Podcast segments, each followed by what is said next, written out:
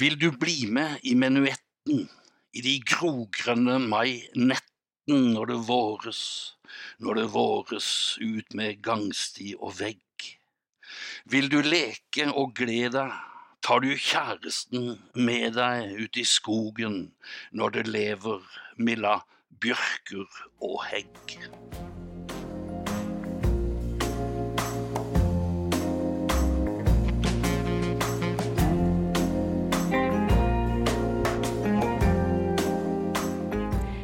Fins det et østerdalsk lynne, og er Østerdalen en stad verdt å besøke? Du hører på Dag og Tid-podkasten, der vi ser nærmere på en av sakene som står i avisa. Denne veka forteller Håvard Rem om Østerdalen, austanfor Austlandet.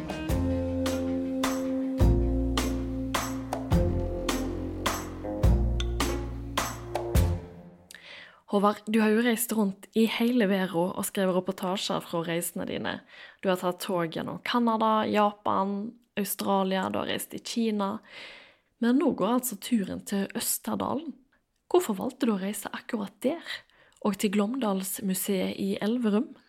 Jo, dette, denne reisen i Østerdalen er del av en, eh, en serie som nå går i Dag og Tid, begynte i fjor og kommer til å fortsette i hele år, som er fra Norge.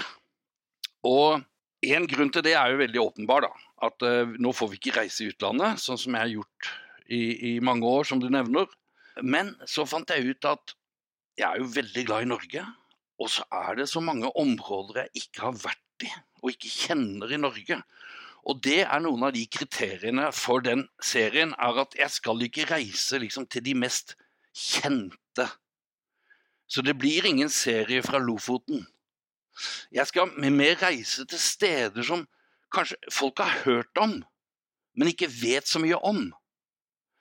Eh, så den første turen, eh, den gikk til Valdres. Så var det Hadeland.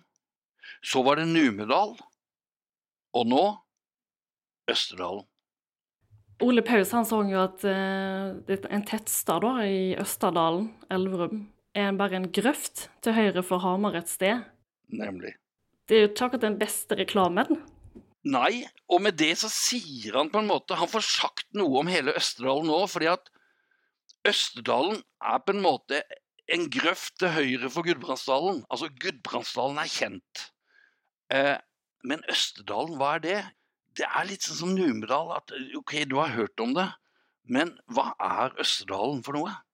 Det måtte jeg liksom finne ut, og det første jeg fant ut, er at den er så svær. Østerdalen er seks ganger større enn Numedal. Den er tre ganger større enn Valdres. Den er like stor som halve Danmark, altså i flatemål. Østerdalen er et kjempestor del av Norge, men som ligger liksom østenfor Østlandet. Og så har også identiteten til Østerdalen blitt veldig på en måte overlappa og kamuflert av identiteten til Hedmark. Mens nå som Hedmark ikke lenger finnes som sånn region, eh, fylke, så kan vi begynne å se oi, helt øst i Norge så ligger det altså en kjempediger dal.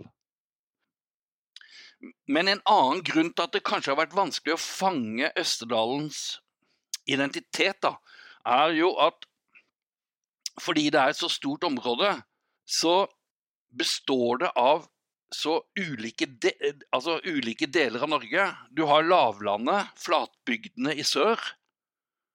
Men så stiger jo Østerdalen opp til 700 meter over havet.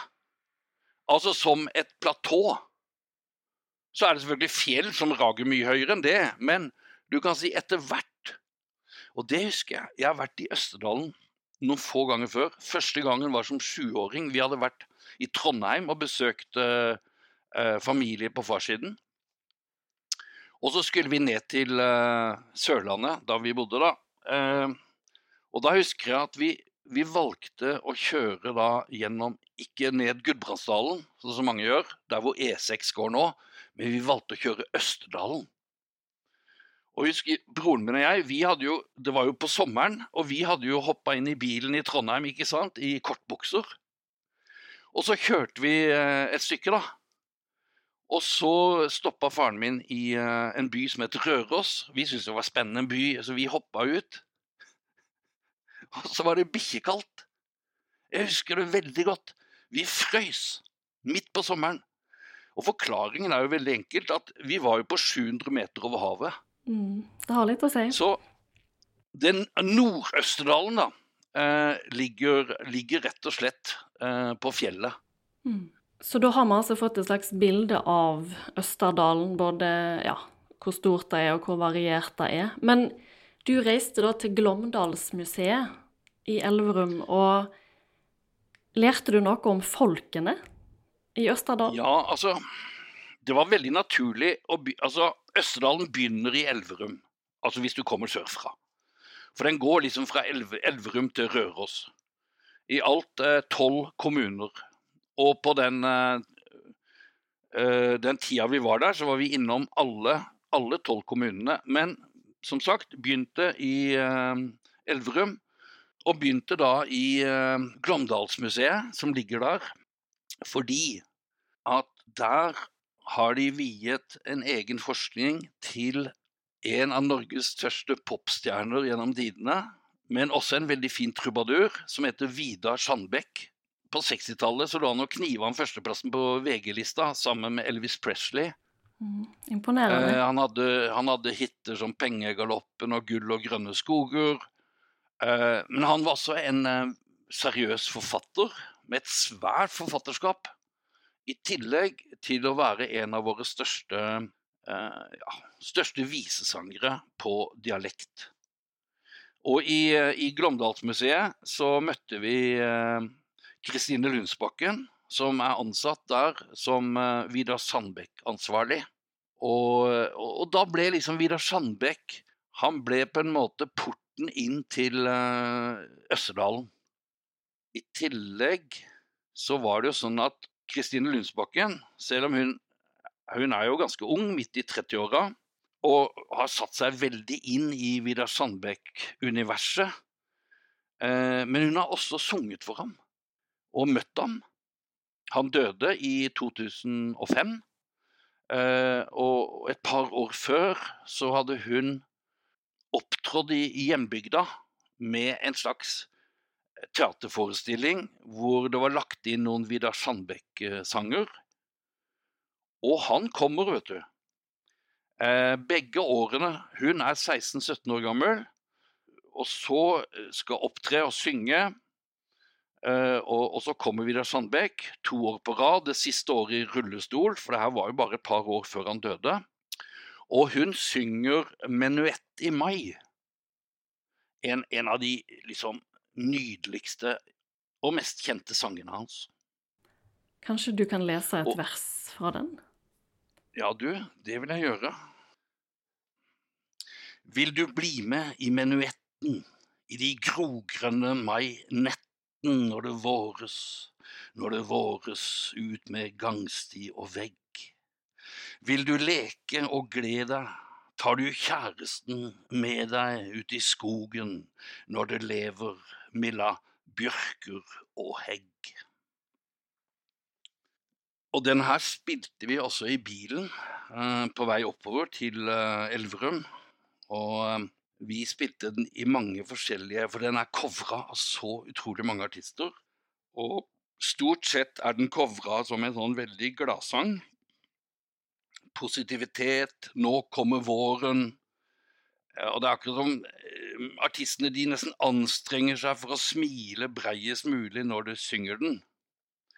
Bortsett fra Vidar Sandbecks egen versjon. Den har en helt annen melankoli i seg, da.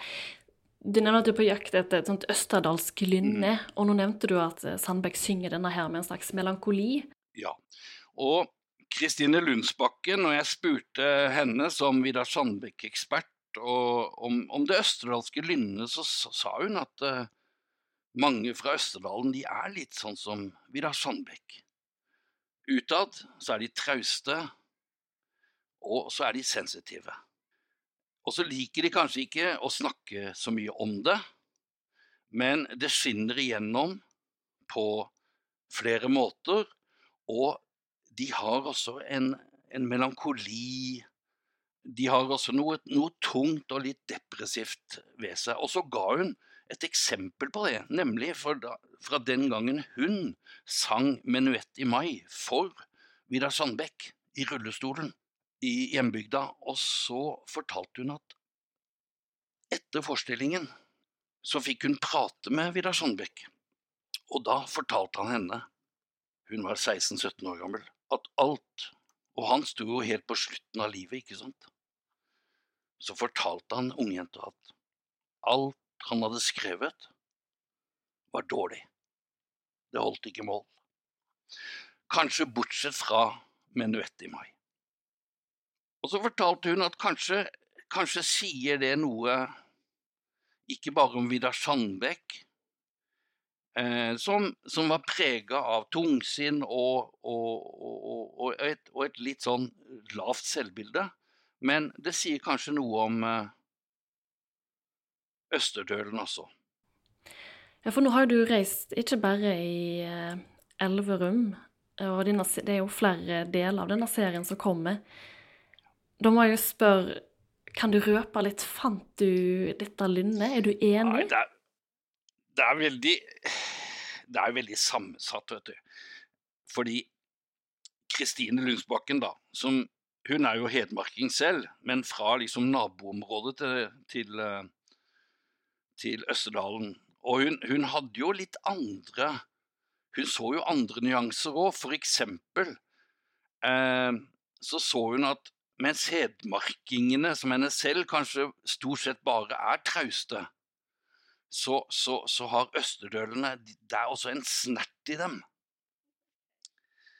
Og det må jeg si Altså, noe som slo meg etter hvert fordi vi var jo som sagt innom alle tolv kommunene eh, som utgjør Østerdalen. Og noe som slo meg, var at veldig mange av østerdølene de var til å begynne med ganske reserverte. Men så opplevde jeg jo at veldig fort så brast den isen.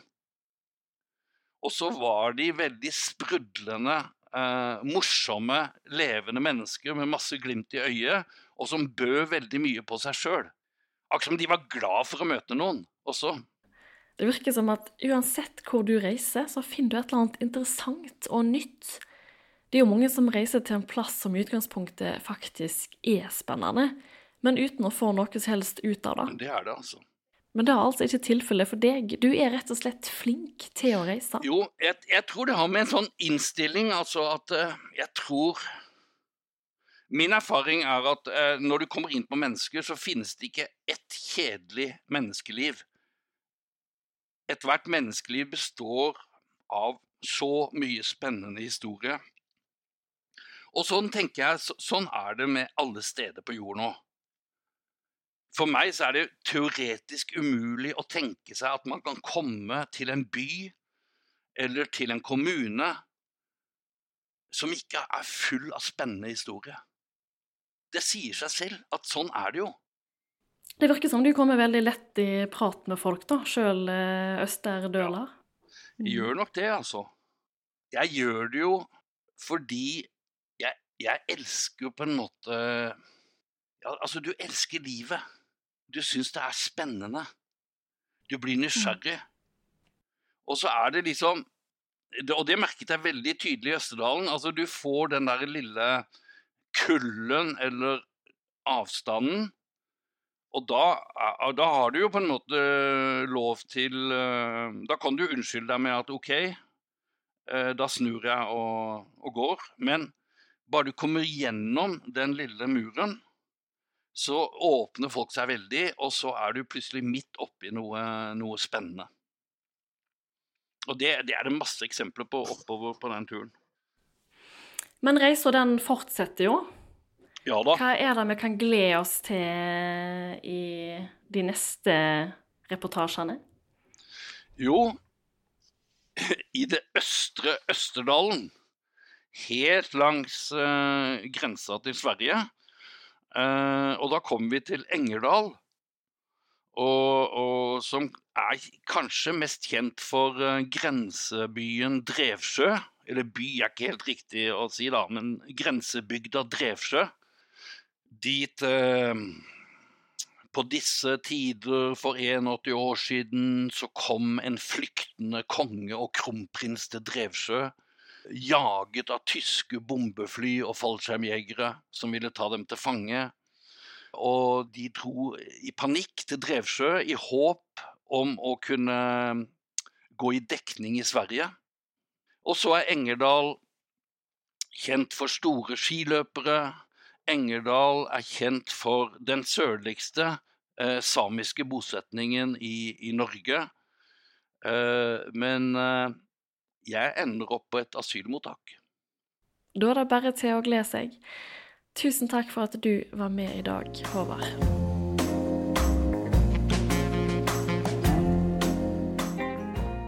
Du hørte på Dag og Tid-podkasten. I studio var jeg, Sofie Mai Rånes. Har du noen gode historier fra Østerdalen? Eller har du tilbakemeldinger på podkasten vår? Send en e-post til sofie1dagogti.no. Takk for at du lytta.